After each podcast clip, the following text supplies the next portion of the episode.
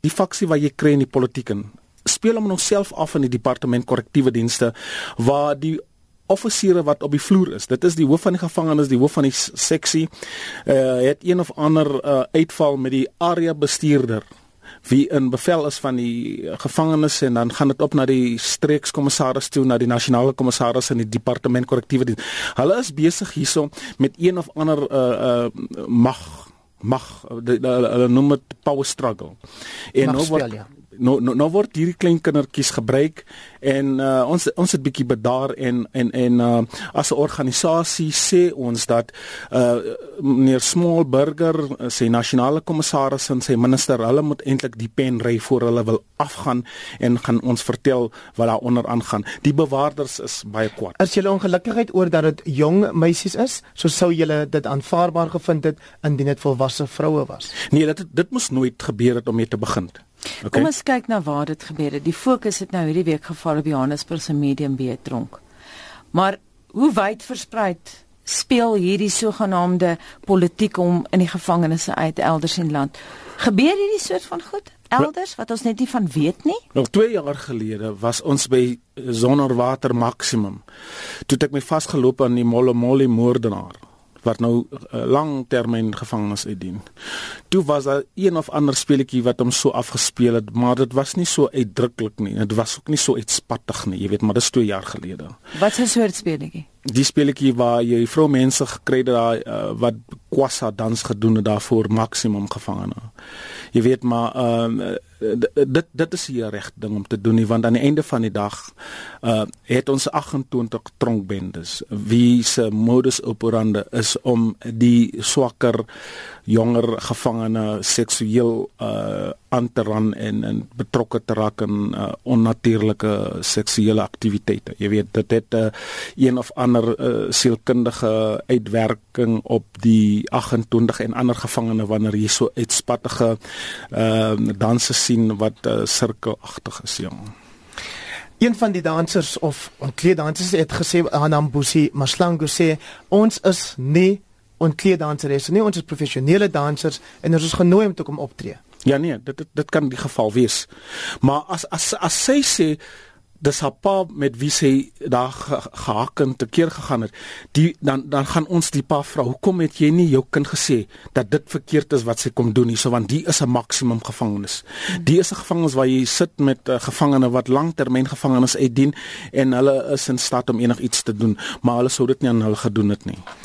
Wat reken jy sal die uitwerking van hierdie voorval wees op die voorkoms van seksuele geweld teen medegevangenes? In tronke. Ja nee, dit dit, dit dit ons is bekommerd daaroor. Ons is baie bekommerd daaroor. En uh, uh ons ons sal oproepe kry van van ons van ons strukture af want ons het so ondergrondse strukture.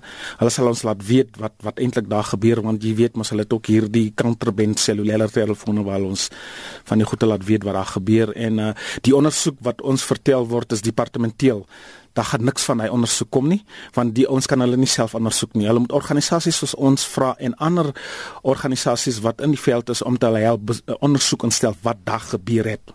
Of nie so nie, dan is dit warm en koelig. As jy pas by ons aangesluit het, ons praat ver oggend met Miles Boodoo van die organisasie South African Prisoners Organisation for Human Rights. Dit nou aanleiding van die voorval rondom onkleeddansers in die Johannesburg se Medium B tronk. Jy praat nou van dat mense na julle toe moet kom en en dat julle kan help om die probleem op te los. Maar wat sien jy is die pad vorentoe? Ek meen, hoe goed is julle kommunikasie byvoorbeeld met James Smallberger en so aan? Wat kan julle doen om te sorg dat hierdie soort van ding nooit ooit weer gebeur nie? Ek is baie baie uh hoe kan ek sê opgewonde oor daardie vraag. Op die oomblik is ons besig om skouers te vryf met 'n nuwe geregistreerde uh werkersunie wat genoem word the South African Liberated Public Sector Workers Union wat gelei word deur uh, die voormalige president van die South African Democratic Teachers Union, hy's uh, Tobilen Tolo. Ons is besig om skouers uh, te vryf met hulle en hulle gaan werk om uh, polisie in te kry en hulle unie uh, persone wat werk by die regstelsels en korrektiewe offisiere en so ook uh, verpleegsters en so voort. Ons is besig met 'n uh, een of ander vennootskap waar ons as gevangene gaan saam met hulle werk en seker maak dat vir, dit gaan vir die eerste keer in die geskiedenis van die land wees waar jy 'n organisasie kry van gevangene werk met 'n unie waar ons gaan seker maak dat ons gaan geboorte gee aan 'n nuwe soort van 'n bewaarder, nuwe soort van 'n polisie en 'n nuwe soort van 'n regswerker wat uncorruptible gaan wees wat aan compromising gaan wees en aan uh, uh cap, um, wat wat noem jy dit nou weer aan aan captured gaan wees. Maar as hierdie beeldmateriaal van die sogenaamde ontkleeddansers is met 'n selfoon geneem, ons weet selfone word nie toegelaat hmm. binne tronke nie. Jy het nou gesê julle eie um informante wat dus gevangenes is, gebruik ook selfone om vir hulle boodskappe te stuur. Hoe regverdig jy dit? Kyk, ons het destyds gevra dat die departement korrektiewe dienste moet kom met 'n alternatief, want hulle gaan nie hierdie tegnologie stop nie. Die wêreld het nou ingegee. Ek praat nou van uh, uh demokrasies wat baie ouer is as ons. Hulle moet met 'n alternatief kom. Hulle kan nie met 'n alternatief kom nie. Die alternatief sou gewees het dat hulle moes uh uh publieke telefone bou binne in die selle in En en dan uh, Maar sê jy dis vir ons dit is reg as selfone onwettig binne die tronk is mag gebruik word vir die korrupsie vir die regte ding. Kyk, kom ek sê vir jou, dis tegnologie. Hulle 'n uh, 'n selfoon word mos gerieker, is dit nie?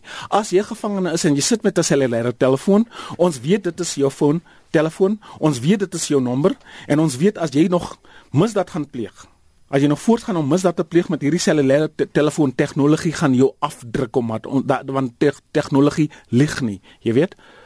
Ja. Net kort, ek het nou gepraat van die toekoms sien jy met mense wat uncaptured is, bewaarders wat uncaptured is. Jy's 'n man van die wêreld.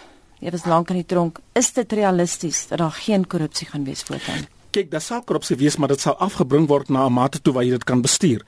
Kyk, as jy unie gaan kry wat gaan veg tot hulle vuise breek dat die bewaarder die dat, dat die polisieoffisiere dat dies wat werk aan die regstelsel word na gekyk.